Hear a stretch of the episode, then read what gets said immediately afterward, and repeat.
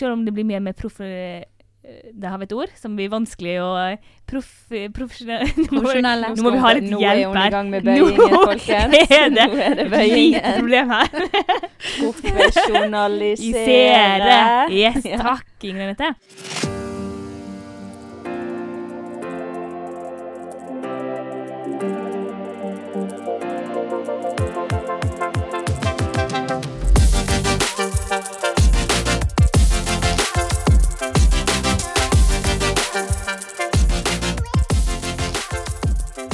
Hei, folkens.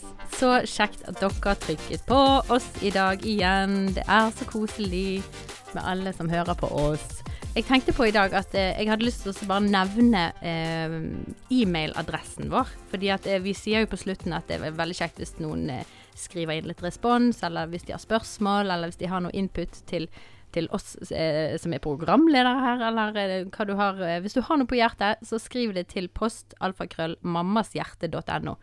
Den tror ikke jeg vi har uh, lagt ut før, så uh, da vet du det er en eh, ganske enkel og direkte linje til min e-postkasse. og da, da ja, får vi med oss det dere tilbakemeldinger dere har, for det blir vi veldig glad for. Det blir vi veldig glad for. Så stas. Så nå er altså Inger Nette med meg her i studio i dag, og vi har med oss en fantastisk dame som heter Maria Dalsbø. Hjertelig velkommen, Maria. Tusen takk. Eh, I dag skal vi inn i, i eh, Ja, vi, vi er jo litt sånn fan av dystre landskap Vi skal inn i mørket i dag, men jeg håper vi skal greie å gjøre det uten at Vi skal inn med eh, lyset, i hvert fall. Ja, vi skal inn med lyset i mørket, og så, eh, og så skal Maria eh, guide oss litt i et tema som er ganske tøft og, og vanskelig, men jeg tror det er utrolig viktig at vi bevisstgjør oss sjøl over og, eh, og lærer mer om. Så takk for at du kom og har lyst til å snakke om dette med overgrep og barn og alt det som foregår i den verden. Før vi må gå inn i det, så må vi ordne Ja. en ting. Oi. Det er kaffen. Oi, oi, oi. Du hørte at han lagde lyd. Han lager lyd. Sykt irriterende lyd. Eller er ikke det den? Det er brusen. det er brusen. Det var brusen det viktigste tingene først. Irriterende lyder, og så alvorlige tema. Og så må jeg bare kommentere at jeg har altså ordnet ordentlig kjeks i dag. Eh, på julepodden med Trine her, så hadde jeg altså Det samme typen kjeks, men jeg Akkurat hadde de samme kjeksene, bare ni år yngre. Kjeks. ni år yngre kjeks. Så disse er trygge å spise, Maria, bare sånn du vet det. Jeg tror Veldig de smakte bra. godt, gjorde de det, Ingrid? Mm, Nette? smakte deilig. Ja. Og jeg smakte de andre. De ni år gamle kjeksene dine. De var ikke deilige. Stakkar. Nei, men du, eh, Maria. eh, Har du lyst til å bare fortelle våre følgere hvem er du, og eh, ja, litt, fortell deg litt om deg sjøl. Først av alt må jeg takke for at jeg får lov til å eh, være her. Eh, på tross av litt sånn dystert og mørkt tema, så er det jo veldig hyggelig å være her. Det må jeg jo si.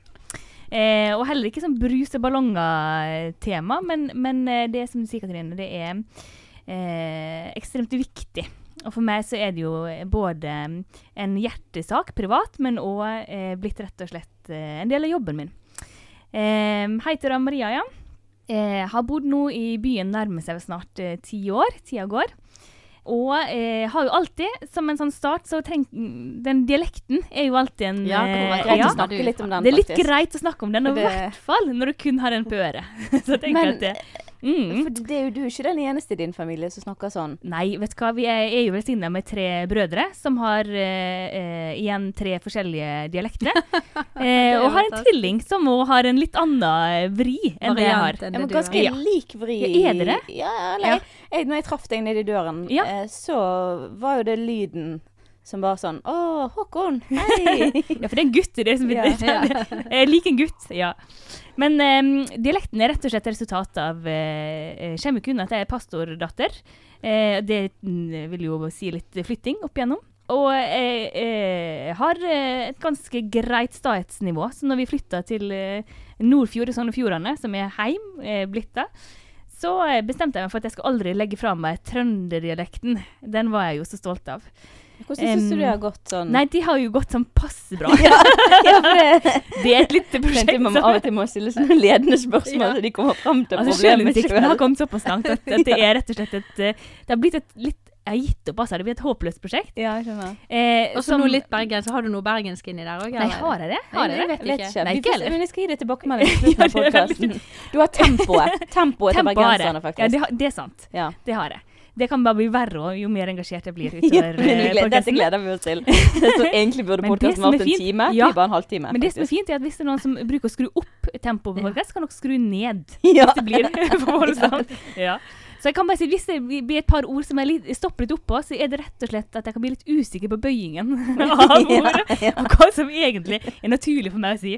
Så da kan det bli litt kan eh, det interessante varianter. Det er ikke så dyster podkast, dette her. Men hvor gamle var dere når dere flyttet til Stårheim, da? Vi var jo, vi var jo eh, sju år. Ja Mm, vel. Så dere har bodd så lenge i, Trøn i Trøndelag? Ja, i Trøndelag. Ja, nei, så det er rett og slett Da fikk vi bare lagt den uh, ut der. Yes. Um, så jeg håper at dere får med dere litt budskap, og ikke bare tenker på hvor rart hun snakker, hun, eh, hun dama. Um, ja, ellers så jobber jeg jo da i idretten. Uh, har jobba litt forskjellig. Nå jobber jeg i noe som heter rådgiver verdiarbeid, så da jobber jeg jo sånn sett med et bredt spekter. Med tema som uh, de fleste andre ikke har så lyst til å jobbe med, sånn sett, men det er veldig spennende. Ja. Veldig givende. Og så har jeg jo vært med å starte et prosjekt som, som heter Trygg på trening.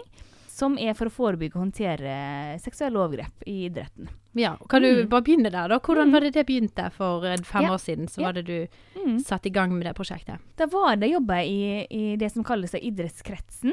Så fikk vi altså inn en sak eh, der det var et idrettslag som hadde opplevd eh, et overgrep. Eller fått inn en sak på det. Eh, henvendte seg til oss og lurte på hva gjør vi. Og så satt vi der og spurte oss egentlig det samme. Hva gjør vi egentlig? Mm. Hvordan håndterer vi det? Hvordan skal vi prøve å forebygge det best mulig? Hvordan møter vi best mulig dem som har eh, både opplevd det, og dem som er involvert? Og det gjorde altså til at vi tenkte at det her er vi nødt, som idrettskrets, til å stå bedre rusta til både å håndtere og ikke minst forebygge. Og vi må hjelpe idrettslagene Mm. til å stå bedre rusta. Ja, for Hvis ikke dere visste å, Mm. å håndtere det, så er det jo gjerne ikke så mange andre som heller hadde et Nei. opplegg for det. da. Nei, absolutt ikke. Og på en måte kan du si heldigvis, sant? for da har de ikke opplevd det. Samtidig så eh, har det nok skjedd uten at de har eh, enten eh, at det har kommet Enten har ikke de opplevd det, eller Ja. så har ikke de Oppdaget yes, det. Yes, det er veldig bra. For dette er jo ikke ikke noe bra. nytt i landskapet, vel? Dessverre ikke. Mm. Og jeg, eh, før, når vi starta med det, så sa jeg jo til en kollega at eh, det kan umulig være så masse når vi begynte. Yeah. Det kan umulig være så stort omfang. Og spesielt i idretten. Idretten skal jo være så sunt. Mm. Jeg vokste opp i idretten sjøl. Eh, utrolig gode verdier. Pos altså egentlig bare positive ting da, med å drive idrett. Og ikke minst at det er trygt. Er det én ting du yeah. tenker, så er det at det skal være trygt å sende ungene sine til idretten. Og vi vet jo at over 90% av alle barn er innom idretten på et eller annet tidspunkt. Ja.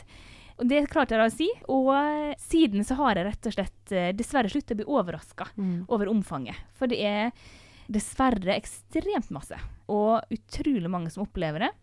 Det gjør vi det beste og det meste vi kan for å forebygge. Og så er det jo en Litt som du sier, Katrine, du spør i forhold til um, om det har oppstått noe, eller hva det har. Det har jo dessverre ikke det. Mhm. Det har jo vært med oss eh, sånn sett, så eh, Har vært med oss i historien så lenge vi veit om det, egentlig. Og nå i disse nettider, så, Mm. så er jo det Du fortalte oss litt her i introen Mm. eh, før vi tok på opptak, at eh, nå er jo det ekstreme tall som kommer frem Mm. i forhold til hva som skjer på nett. Ja, det er det. Eh, og, og det er jo der som man gjerne må begynne å, å pøse ut med Mm. informasjon Mm. sant? og Mm. opplæring av barn til nettvett og disse tingene. Før her i Bergen så hadde vi jo den eh, velkjente, brukte Lokkemannen, som kjørte jo rundt i hvit varebil. Ja, husker det. Ja da. Den ble vi advart mot. Ja, den liten. er det mange som har blitt advart mot i, Ja. her i bergensområdet. Ja, det var da jeg var liten. Og det er eh, En skal ikke holdt på å si undergrave det, men da var det sånn sett lettere, for at den, det var den hvite varebilen en skulle da eh, passe seg for. Ja. Det som nå er skjedd i, Mm. i 2020 og 2021, som vi nå har kommet til, er jo rett og slett at de har flytta bak tastaturet. Og eh, tilgangen, det vet vi jo alle, tilgangen på, på nettet er jo enorm. Eh, både for barn og for voksne. Og vi ser jo at barn eh, for det første får kontakt med eh, altså Internett og nettbrett får de kontakt med eh, gjennomsnittlig med null år. Sant? Og det vet vel sikkert dere som har barn og, og sånn òg, at eh, en skjerm er de i kontakt med nesten med, altså utrolig tidlig. Eh, vi ser jo, som f.eks. Eh, Snapchat, så ser vi at gjennomsnittsalderen for å dele et nakenbilde av seg sjøl i Norge Mm. er ni år. Oh. Ja. herregud. Gjennomsnittsalder ja. er ni år. For første gang deler et nakenbilde. Det betyr ikke at alle gjør det, men, men det sier litt om eh, at det, nå, det er jo mange som er ni år og har tel- mobiltelefon. sant? Og, Som ikke burde hatt den. men det er i hvert fall viktig at vi snakker om Ja. eh, hva det er For tilgangen til internett vil vi nok alltid ha. Sant? Det er ikke tilgang til mobil, til, til nettbrett. Og da er vi nødt til å snakke om hvordan vi skal forholde oss til det. Og det er noen ting vi snakker mest om, er jo for barna sin del. Ja. Hva det er, det går jo på det med nettvett. Hva er det som er greit og ikke? Hva er det som er innafor og ikke? Hva er det som er lov og ikke? Hva er det greit at noen ber deg om å gjøre, eller hva er det greit at du sender over, eller altså, en, Rett og slett ta den type samtalene, da. Ja. Ekstremt viktig. Og bygge disse indre grensene. Mm. Og jeg vil ha det ordet med i Mm, alle podkastene jeg snakker om. Det er så viktig og Mm. at barna eh, For dette, de kan møte på liksom eh, hva som helst ute i Mm. verden, og, og alt vil falle på hvilke indre grenser de har, Ja, og, og, og hvilke valg de da, ut ifra de grensene, tar. Mm. Eh, og, og det kan vi som foreldre være med å bygge inn i barna våre. Mm. Dette året har vært et veldig fascinerende år i min eh, Jeg har fått mange åpenbaringer i forhold til dette med oppdragelse. Mm. Så, så har jeg gått vekk ifra Det er så mye regler man kan ha, og på en måte regler kan de få opp i halsen, og regler er vanskelig å følge, og på en måte Eller det, de vil man ikke følge. Det er litt sånn eh, Man strid, stritter litt imot som barn, for da man vil rive seg løs ifra reglene. Men så har jeg liksom snudd litt alt på hodet, da, og begynt å fokusere kun på dette med disse indre grensene. Mm. Og, og falt litt vekk. Blitt litt, ikke regelløs. Eh, jeg har absolutt noen grenser på noen ting, men på en måte mindre fokus på det. For det stresset meg veldig før i forhold til eh, skjerm og alle disse Mm. tingene. For jeg klarte, jeg hadde, klarte ikke å ha kontroll over alt. Du føler du, du, du drukner i det å klare å ha kontroll over barnet ditt. Men det er jo det vi foreldre Vi kommer aldri til å klare å ha kontroll over barnet vårt. Og jeg måtte bare legge den rett og slett litt dør, legge den fra meg, Mm. og, og, og, og tenke litt nytt når det gjelder tilnærming, hvordan jeg eh, snakker med de på, jeg, Mm. hva jeg lærer de da, rett og slett. Og da begynte jeg med dette med indre grenser som Det var vel egentlig hun Linn Myhr som var her oh, på tenårings... Den dere er må- fantastisk. dere må tilbake og høre tenåringspodkasten vår som vi hadde i høst.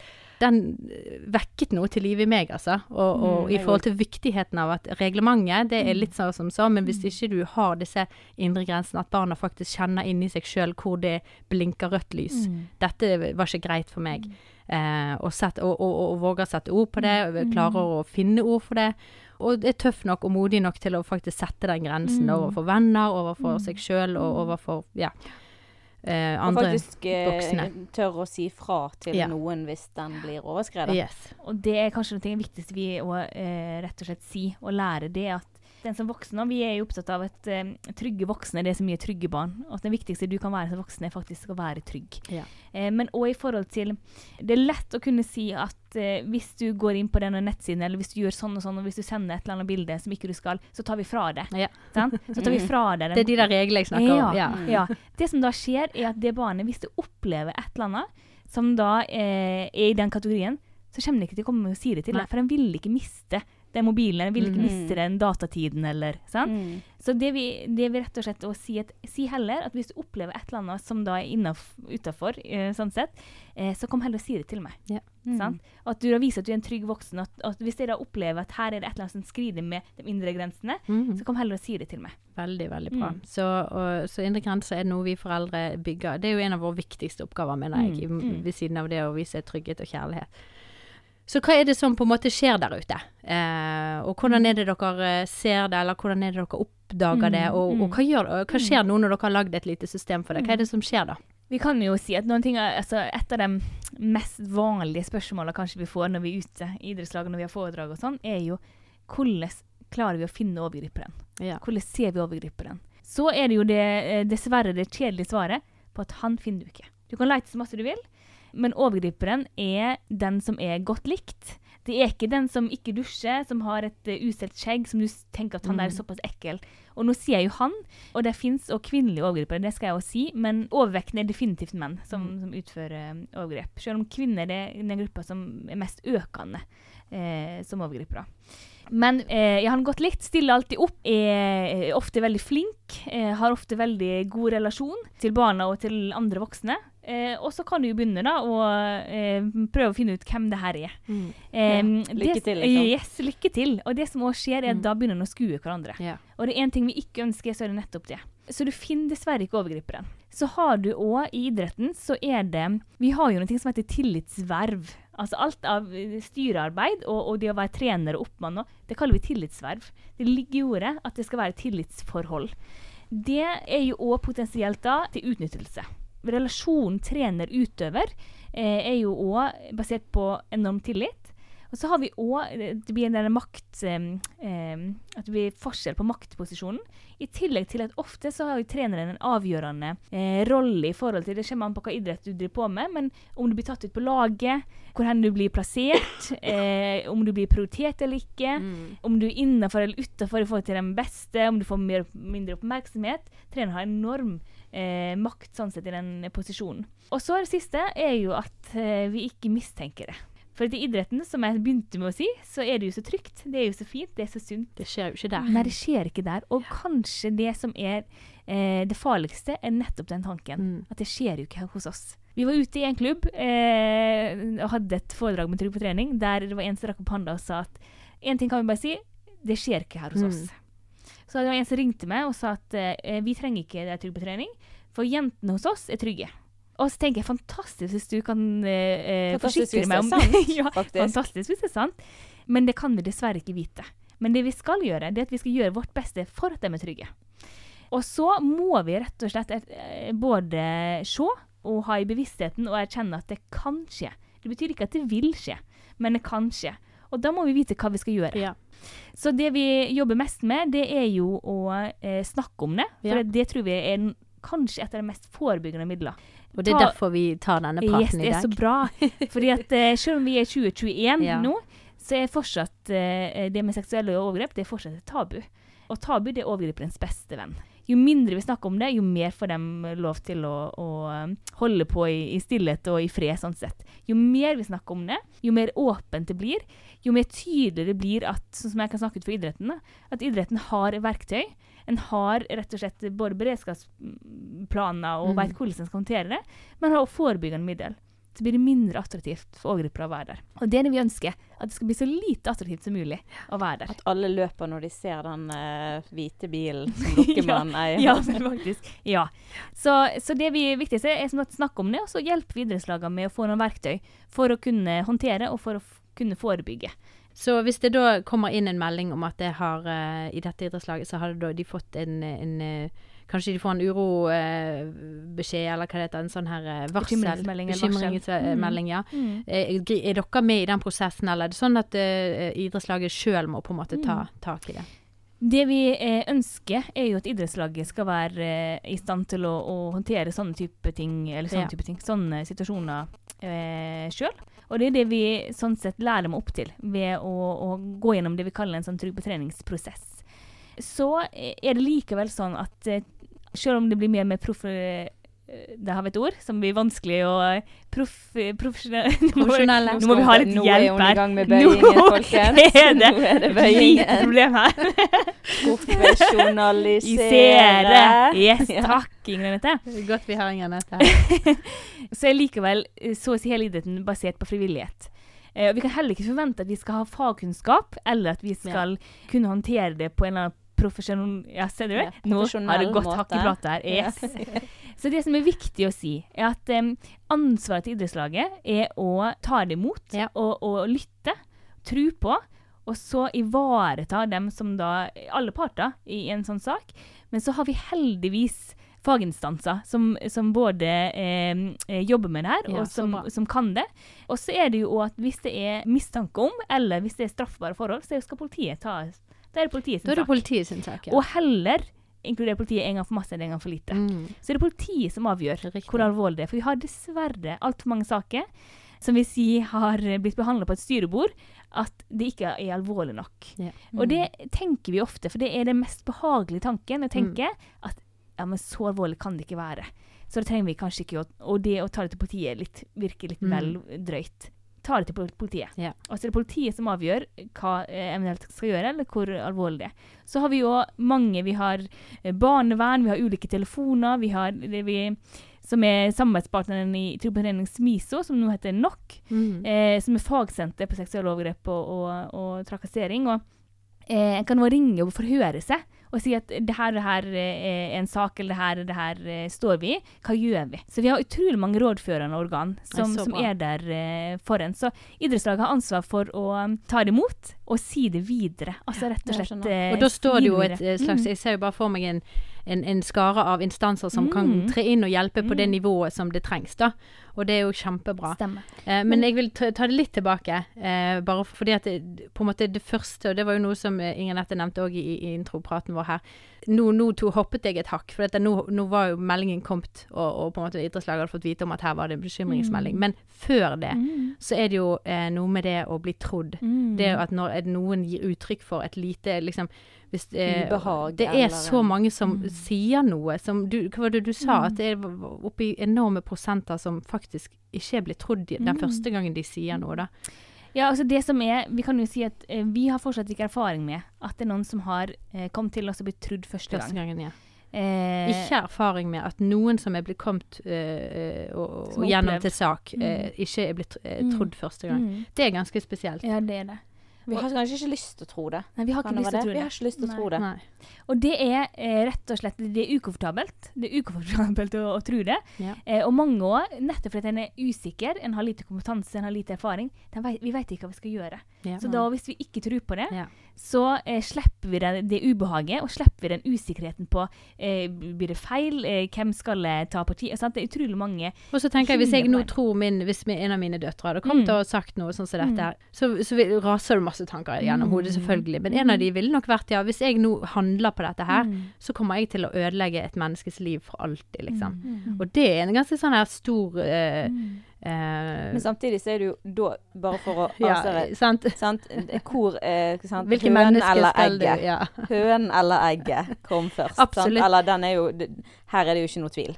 Poenget er jo at du ødelegger jo ikke. De har jo allerede ødelagt for seg Ja. sjøl. Mm. De har bare ikke blitt tatt. Nei, sant, akkurat det. Så- Eh, men hvis det da ikke hadde vært sant, sant, det er jo det som er. Mm. Ja. Mm. Det er sånn, ja. Men så er det jo, der sa jo du noe veldig bra, Maria. Ja, og det er jo eh, Det er jo det vi er redd for. At barna sier så masse ja. greier og har så mange fantasier Mm. og sånn. Eh, men det vi kan si, og det som vi vet, er at barn liker seg særdeles sjelden inn i vanskeligheter. Mm. De liker seg ut av det. Mm. Og det gjør de. Det gjør jo, og det gjør jo for så vidt vi voksne òg, men, oh, ja. men eh, barn er veldig gode på å like seg ut av det seg. Jeg er pastordatter, du vet ja, at ja, det. Unnskyld meg. Men Å ja da. ja.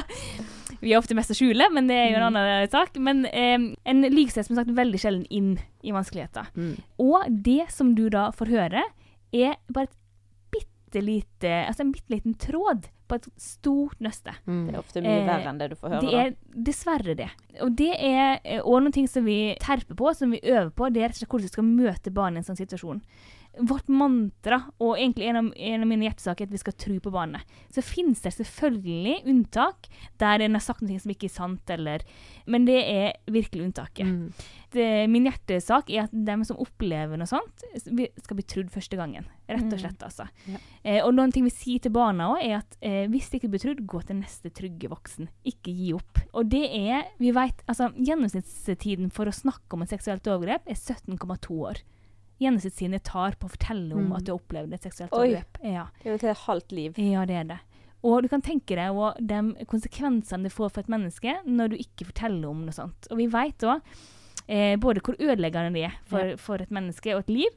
Enkelte kan klare seg overraskende og mirakuløst eh, bra, men det er potensielt ekstremt ødeleggende. Og det er en ting vi ønsker, så er det å få ned det tallet. Eh, men når vi òg ønsker å egentlig oppdra, lære voksne for å være en trygg voksen, Mm. hvordan du skal møte et barn som kommer og forteller noe sånt, så viser det seg jo at um, 85% av voksne syns det er ekstremt ubehagelig å Mm. snakke om. 5% av barn syns det er ubehagelig å snakke om.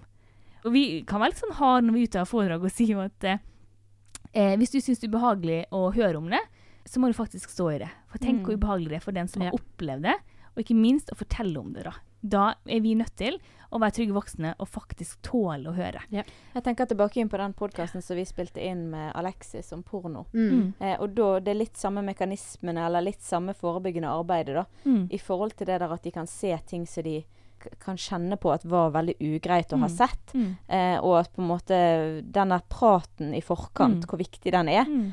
Eh, og begynne helt ekstremt tidlig, egentlig, med Mm. å si eh, Selvfølgelig litt etter hva alder de er i, Mm. men si hva som kan skje. Mm. Eh, og si hva de kan oppleve på Mm. nettet.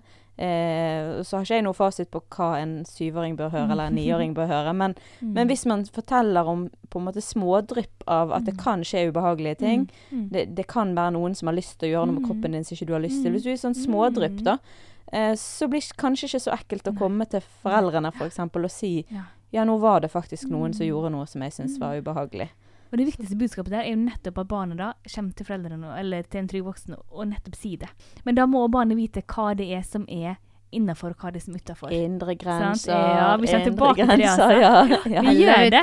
Vi Mm. gjør det, og det er, det er kjempeviktig at vi snakker med barna våre om hva Mm. er det som faktisk er greit, og hva er det som ikke Hva er det greit at en voksen gjør med det? Altså både rent kroppslig og, og ellers. Hva er det greit at en voksen sier til deg? Mm. Hva er det greit at en voksen eh, ber deg om å gjøre?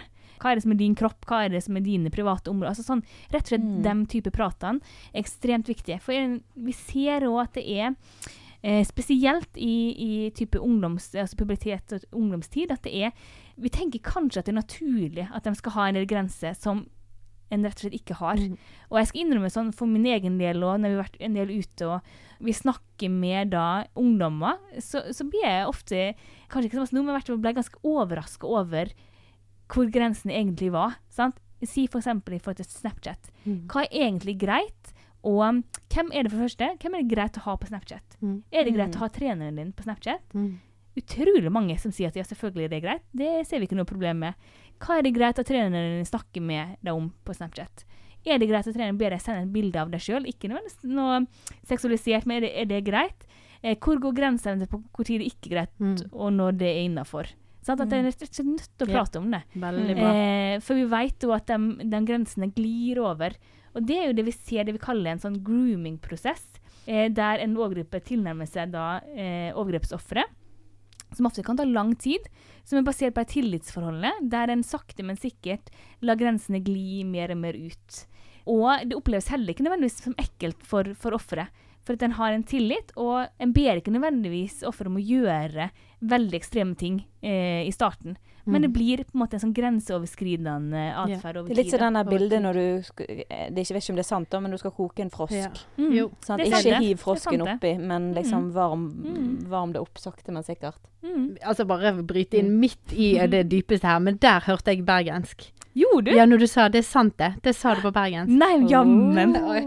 Jammen, Nå tok jeg Det eh, frosker, og det er bergensk, og det ja. ja, men er det ikke sånn på et seriøst nivå? Eh, det er jo et vanskelig tema. Det hjelper ikke at vi sitter og griner om det. Vi må jo være voksne som tør å snakke om det, og kan snakke om det uten at det blir nødvendigvis Men jeg syns det var et eh, veldig bra bilde, Anette. Både krabber og frosker. Eh, som vi, vi legger i Mm. kaldt vann og setter Mm. platen på, og så bobler Så har de det greit, og så blir Yes. det bare Mm, litt helt varmere og litt varmere, og plutselig så eh, begynner det å brenne. Og jeg har ikke tenkt liksom på det landskapet på den måten at det, det, det skjedde litt på, på den samme måten. da, At det Mm. var litt sånn at det, det, var et lite der og lite der. Men jeg tenkte jo at det var sånn ja, jeg overfaller deg i garderoben. Liksom det jeg har sett for meg i hodet, da. Men, Mm. men at det faktisk begynner på den måten. Mm. Og da, da er det jo Det vil jo òg snu litt bildet hvordan jeg vil òg snakke om de der grensene for mm. Er det greit å ha, eh, sende et bilde? Mm. Er det greit å involvere treneren din i Mm. disse tingene, liksom? Her tror jeg det Og der er det jo igjen eh, relasjonsgrenser og Nei, veldig bra du sa det, altså. Mm. Mm. Jeg tenkte bare på å legge til én ting på dette med trygg voksen, da. Fordi at eh, jeg hørte noen som sa uh, en eller annen plass uh, dette med at for at på en måte de skal da tørre å komme til oss Lurer på om hun var i vår forrige Jeg tror det var Nadia, Nadia, ja. Nadia så var jo det Monsen. Dette med at uh, vi må begynne i det små. Begynne før tingene uh, Begynne i fredstid. Begynne i fredstid. Eh, Inger Nette har det i hodet her. Jeg Eh, hørte han nettopp på veien hit. Ja. så Men altså, å begynne å snakke om og, og bare uh, vise at du er trygg voksen Mm. før uh, det skjer noe kritisk eller mm. vanskelige ting, og på en måte sette ord på at å, det betyr så mye for meg når du forteller om dagen din, eller bare Og det betyr så mye for meg at du, du er ærlig med meg, eller takk for at du eh, eh, delte det, eller takk for at du er lydig. Bare liksom, eh, liksom eh, være positiv i de tingene som er bitte, bitte små, da. Eh, for Og dette- vise at du tåler å høre de litt vanskelige Yes, tingene. Ja, det er så bra. Eh, og så på en måte ikke reagere så sterkt. Reager på bakrommet. For jeg tror jo at hvis de ser at du ikke engang tåler å høre om at de kastet en snøball, så Ja. skal det godt gjøres at de tenker du tåler Ja, å høre om. Og det òg som vi snakket om i den podkasten, var jo dette med at eh, nå handler det ikke om deg. Eh, og det handler ikke om dine følelser og dine reaksjoner. De får du ta med din mann, Mm. hvis du er kvinne. Eh, de får du ta på bakrommet, på en måte. Og så der og da å holde seg litt iskald. Ja. Eh, ja. Jeg må bare skyte inn der. Det å er eh, Noe av det viktigste budskapet er rett og slett eh, å vise at du tåler det. At du mm. tåler å høre. det. For er det én ting og et barn som prøver å fortelle til en voksen, så er det det en tester deg på. Om du tåler å høre eller ikke. Mm. Eh, og eh, det her er, er ingen eh, eh, veldig gjennomtenkt strategi for et barn. Det her er rett og slett en, en naturlig måte at du tester. Er det trygt å fortelle det til deg, og tåler du å høre det som jeg faktisk sier. Mm. Så vil jeg si at når et barn kommer til deg, så sier han veldig, som sagt, et, et, bare en liten, liten tråd av et veldig stort nøste. Mm. Og hvis du da viser at det her tåler ikke jeg å høre, Mm. det her vil jeg ikke høre, Du får ikke resten. Ja, du får ikke resten. Og da mister du sjansen din, rett og slett. Kan du si det da, at, at måten vi sier at en skal, kan møte et, et barn på den måten, er jo rett og slett å gjenta det barnet sier. Ja. Eh, og det som vi jo skal passe oss for som, som voksne i en sånn situasjon, det er å legge ord i munnen på barnet. Eh, så du skal rett og slett bare gjenta det barnet sier, og så avslutte. Det her er veldig velkjent. Det er ikke noe hokus pokus, men, men gjenta det barnet sier, og så avslutte med 'fortell'. Ja. Så Mm. viser du at 'jeg har nå hørt det du har sagt', jeg tåler å høre det, jeg ønsker at du skal fortelle mer'. Ja. Og så lar du barnet sette ord på det, og når jeg har satt ord på mer, så gjentar du akkurat det samme. Det som barnet har sagt, hele, alt det han har sagt, og så avslutter med 'fortell'. Ja. Og når jeg er ferdig å fortelle, så, så eh, avslutter du med 'takk for at du fortalte'. Mm. Og så er det det å passe seg for ikke begynne med lovnad om at nå skal jeg sørge for at den som har gjort det Mm. mot deg, skal havne i fengsel, eller Mm. sant? Men det du kan love er at du skal hjelpe. Du skal være en trygg voksen, og du skal hjelpe barnet. Det kan du love. Så det er Nei, det var et utrolig Mm. fin eh, konkret Jeg liker når Mm. man liksom får noe sånn konkret eh, Gjør sånn, si sånn. Så det var veldig Mm. fint at jeg bare Mm. liksom gjentar det du sier. Og, Og vi håper jo alle at vi aldri, aldri, aldri Ja, ja, ja. får bruk for denne Men altså, kunnskapen. dette men dessverre så gjør vi det. Dette funker for eh, alle ting som Ja, du vil et barn skal snakke det. med deg om. Det. Mm. Det handler ikke om Mm, det akkurat dette. Eller jo, akkurat nå gjør det det, men dette handler jo om Mm. måten å kommunisere og få eh, eh, åpne opp en arena hvor barn faktisk tør å komme til deg og Mm. snakke om hva som helst. Og det er jo det vi foreldre ønsker. sant? Mm, det er helt Så. sant. Tommel opp til deg, altså. Mm. Jeg hadde lyst til å dreie det litt inn på en sak som du opplevde i fjor. Fordi at du har jo jobbet i dette landskapet nå i fem år, Mm. og du har vært og holdt foredrag, og du har eh, lagd strategi og system og orden og planer. og og så plutselig Mm. får dere vite da at eh, det er dette her eh, foregår i, i deres eh, omgangskrets, i, Mm. ditt, i ditt kollegiale, da. Mm, mm. Eh, hva var det som skjedde? Når vi er ute i idrettslag, så sier vi jo ikke være idrettslaget som ikke har ting på plass når det skjer. Så eh, sier vi jo òg nettopp det her med at du skal eh, både tørre å, å se at, at det kan skje hos deg. Og så har jeg veldig mange andre mm, ting jeg har sagt i flere år, som jeg plutselig fikk ganske i fleisen. Ja. Og møtte meg sjøl eh, ekstremt i døra. Og det var rett og slett at vi opplevde at det var en på huset i idretten, som, som vi kjente veldig godt, som eh, rett og slett ble eh, henta av politiet. Og det viser seg å være, og det her kan jeg jo snakke veldig åpent om, det, dommen eh, er kommet, og saken har vært ganske masse i media. Mm. Som, ja. Og det viser seg å være en av våre største overgrepssakene Mm. eh, vi har hatt. Tenk på det. Um, Det er jo i gangene der som du har gått Mm. og vært og på en måte jobbet, eh, motjobbet dette her Mm. så kraftig, og så på en måte Som virkelig underbygger argumentet av at du ser ikke Ja, hvem det, det er er, før. Det er Selv om du jobb, har jobbet med det i mange år. Og det var kanskje den første altså, et, sant? Du går jo ofte rett i, i noen eh, negative tanker sjøl, destruktive tanker. Og jeg tenkte jo Men hvordan i alle dager klarte ikke jeg å se det? Ja. Sant? For da går jeg jo rett i fella sjøl og tenker jeg skulle jo sett det. Jeg som jobber med det. Og det er nettopp som du sier, Gnete, at det er Jeg kunne ha leita som bare det eh, på huset, og jeg ville nok aldri ha utpekt han til å være en overgriper. Så det er nettopp det at du får um, mine egne sitat sånn sett i, i fleisen. Mm. Um, en skulle jo selvfølgelig ønske at en uh, ikke hadde fått det så nært på. Det er jo det en eh, aller helst vil er ingen som vil det. Ingen som vil det. Samtidig så, så eh, poengterer det jo egentlig det som vi eh, snakker om hver eneste dag. Og opplevde jo da at, at vi i idretten og vi på huset hadde jo ikke alt på stell sånn som vi sier at alle andre skal ha det. Og det er jo en, en eh, kjip, men en viktig erfaring sånn sett. Og, Det blir jo en reality check, da. mm, på- det er det. ja. Definitivt. Definitivt. Plutselig måtte det ting eh, falle på plass Mm. og jobbes med innad i egen krets. Mm, absolutt. Absolutt. Det er en, eh, en sak som vi absolutt eh, igjen skulle vært foruten, men som vi har lært eh, Det er det politisk korrekte svaret òg. Vi har lært masse, men det har vi altså. Utrolig spennende. veldig og bra. veldig trist. Det er jo det. Jeg, jeg begynner liksom å tenke inn i landskapet på, på hele metoo-kampanjen Mm. som var for noen år tilbake. Og jeg vet nå at eh, nå eh, Jeg lurer på om det blir lovpålagt nå at alle bedrifter skal ha et slags eh, vi skal iallfall jobbe med det i uh, en av mine plasser som jeg eh, jobber. Jeg har tre, så du kan uh, lure på hvor det er. Er det i mammas hjerte vi skal jobbe med? Mamma sier det. Og, nei, men det at, at alt det rabalderet som skjedde rundt det, Mm. fikk veldig mye ut i lyset og viste at her er det ikke noe sånn beredskap som er på plass. Ja.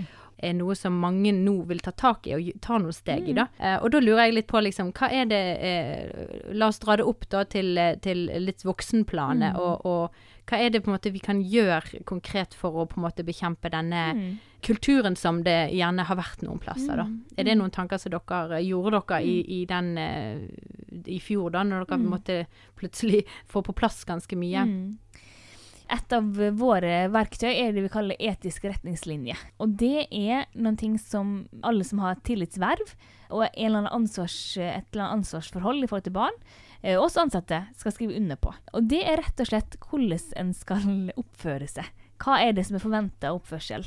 Um, Det er jo på en måte en slags å lage noen, ikke, lage noen grenser, da, Ja, faktisk. Som det alle, det. Det det blir litt som de indre grensene til barn. Mm, det er helt riktig. Du lager et system på en Mm. måte, som alle vet. Du lager et system som alle vet, og det som òg da er at hvis det er noen som oppfører seg som er utafor Ja. de retningslinjene For det er lettere også å sette Ja. Yes. Ta det. For Mm. da kan jeg vise til at her er et brudd på de etiske Ja. retningslinjene som, som rett og slett både vi står for her, som du har skrevet under på, som fellesskapet står for.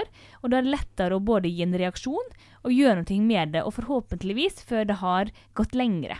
Så det er et sånt middel vi, vi Mm. generelt eh, bruker. Men det vil jo òg fungere overfor eh, mann-kvinne, eh, litt sånn eh, ufin eh, Mm. bruk. Hvis Mm, man da liksom absolutt. skriver ganske konkrete setninger, liksom at dette er måten vi behandler hverandre på, Mm. la, la, la, Mm. så vil jo en en som er i offersituasjonen der, kunne gå tilbake og tenke å ja, vi har jo et sånt type skriv. sant? Ja, men det kan jo jeg gå tilbake og vise Mm. til at dette her er det en person her som ikke overholder. Mm. Og da er det jo mye lettere å, å ta grep når, enn når det har vært en sånn han er min sjef, jeg kan miste jobben, jeg vet ikke hva jeg skal si og gjøre. Det Liksom. mange ting i grenseland, da. Hvis jeg bare tenker tilbake. Ja. Nå, nå har nok jeg veldig sterke indre grenser, men jeg jobb, har jo jobbet i jeg jobber i på en måte veibransjen med entreprenører og diverse sånne Manns- ringrever, manns, virkelig mannsdominert, folk som har stått og gravd inn i tunnel. Altså, så er det jo på en måte På en måte kanskje Hva kan jeg si det, da? Altså, jeg har jo fått slengt noen kommentarer etter meg Mm. Som på en måte jeg tror for noen ville kanskje vært vanskeligere. Og jeg tror det hadde vært vanskeligere for meg hadde det vært personer som hadde makt over meg. Men når det da kun har vært i tilfeller der personer ikke har makt over meg, Mm. så har jeg bare slengt tilbake og sagt sånn et eller annet kommentar som han Han sa gjerne en faktating, og så slengte han en kommentar, og så sa jeg ja, det er greit, men den kommentaren kan du spare deg. Og da kutter du det Mm. Du setter òg en grense for at da skjønner de at de kanskje ikke skal gjøre det igjen. Mm. Mm. Eh, og så er jo det, ville jo det sikkert vært utrolig mye vanskeligere hvis det hadde vært en sjef. Mm. For da blir det jo en helt annen sak. Men, men det er jo mange ting som er i grenseland. De kan bare De kan komme med sånne små kommentarer. Og så tror jeg at hvis man ikke kutter det ved starten, så vil det kanskje balle på seg. Mm. Mens at fordi at jeg har veldig, veldig sterke grenser på absolutt alle områder, til manges frustrasjon av og til Irritasjon. irritasjon og irritasjon. Nei, det vil jeg ikke. Så på en måte blir det så lett for meg, og så er jeg veldig konfronterende. Mm. Eh, når, jeg, når mine grenser blir overskredet, at da er det ikke noe problem for eksempel å si til en mannlig kollega at sånn Men det der var over grensen. Mm. Mm. Eh, og jeg, jeg sa en gang til faktisk en mannlig kollega at eh, nå er eh, gren, grensen Du ser den ikke lenger, det er blitt en prikk. Så neste gang, ikke si sånne ting lenger. Altså, Mm. det var en eh, seks kommentarer av et eller annet slag, liksom. Flere Så- skulle ønske at den var sånn som deg. Ja. Det Ja. det området, så ja, det er ja, da tror jeg ikke det ville vært kvinner. så mange. Ja. Men altså, det er jo igjen Mm. jeg, jeg, jeg, jeg, Tankene mine sklir her. Men jeg tenker jo igjen over på rasisme, da. For det der òg er jo det enormt eh, eh, grålandskap. Og, og det finnes så mye sånne småholdninger som bare utarter seg i småkommentarer og litt sånn. Men ikke er greit, for hvis du virkelig graver i de holdningene Og jeg mener jo at et, et sånt eh, etisk skriv sånn som det der, det, jo, det er jo et etisk skriv. Det er jo egentlig et, på holdningene våre.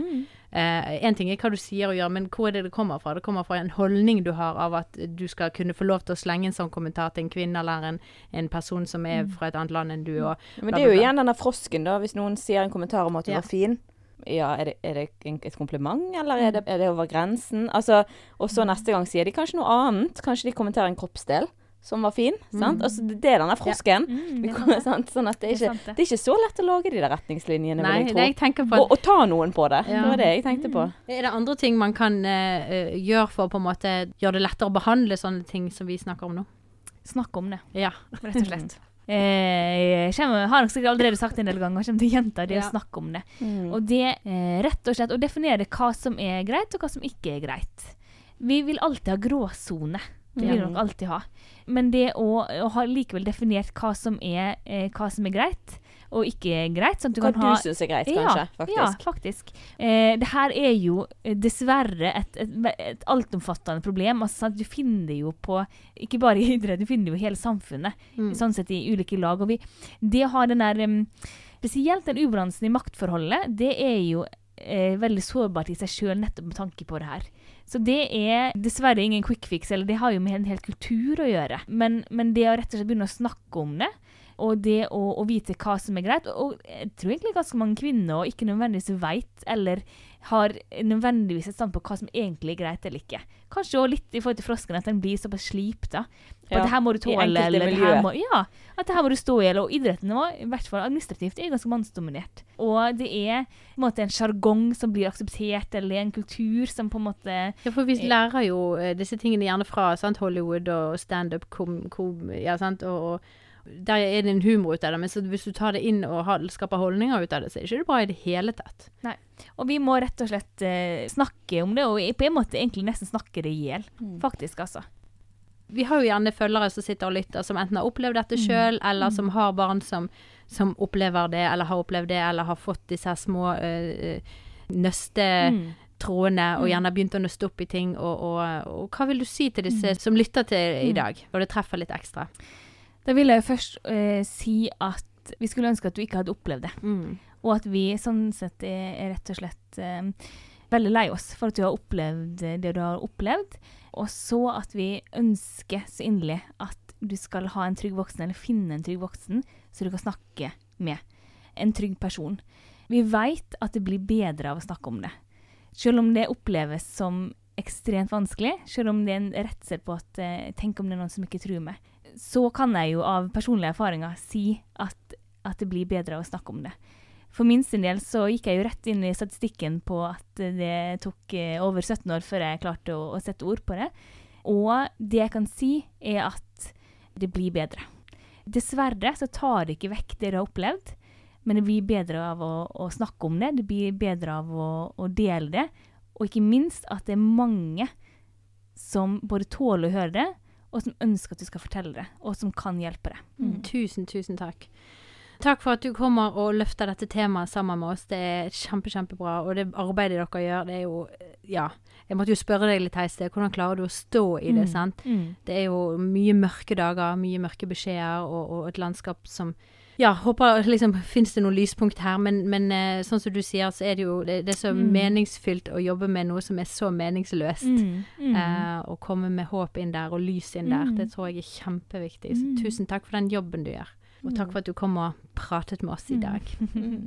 Det er bare en glede. Det er fint å ha med det på slutten. Ja. Og igjen, så hvis dere eh, som lytter sitter med noen eh, tanker, følelser eller reaksjoner etter det vi har snakket om, så ta kontakt med oss, eller med Familiesenteret i Bergen. Det fins mennesker som eh, har lyst til å snakke med dere, høre, lytte til dere og hjelpe dere gjennom det dere står i. Så da takker vi for i dag, og så lyttes vi i neste episode.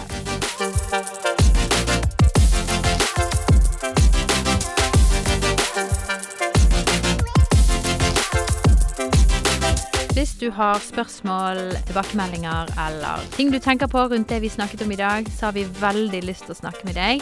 Du kan kontakte oss på Snapchat, Instagram og Facebook. Der svarer vi alle meldinger. Så skriv oss en melding. Vi har veldig lyst til å chatte litt med deg.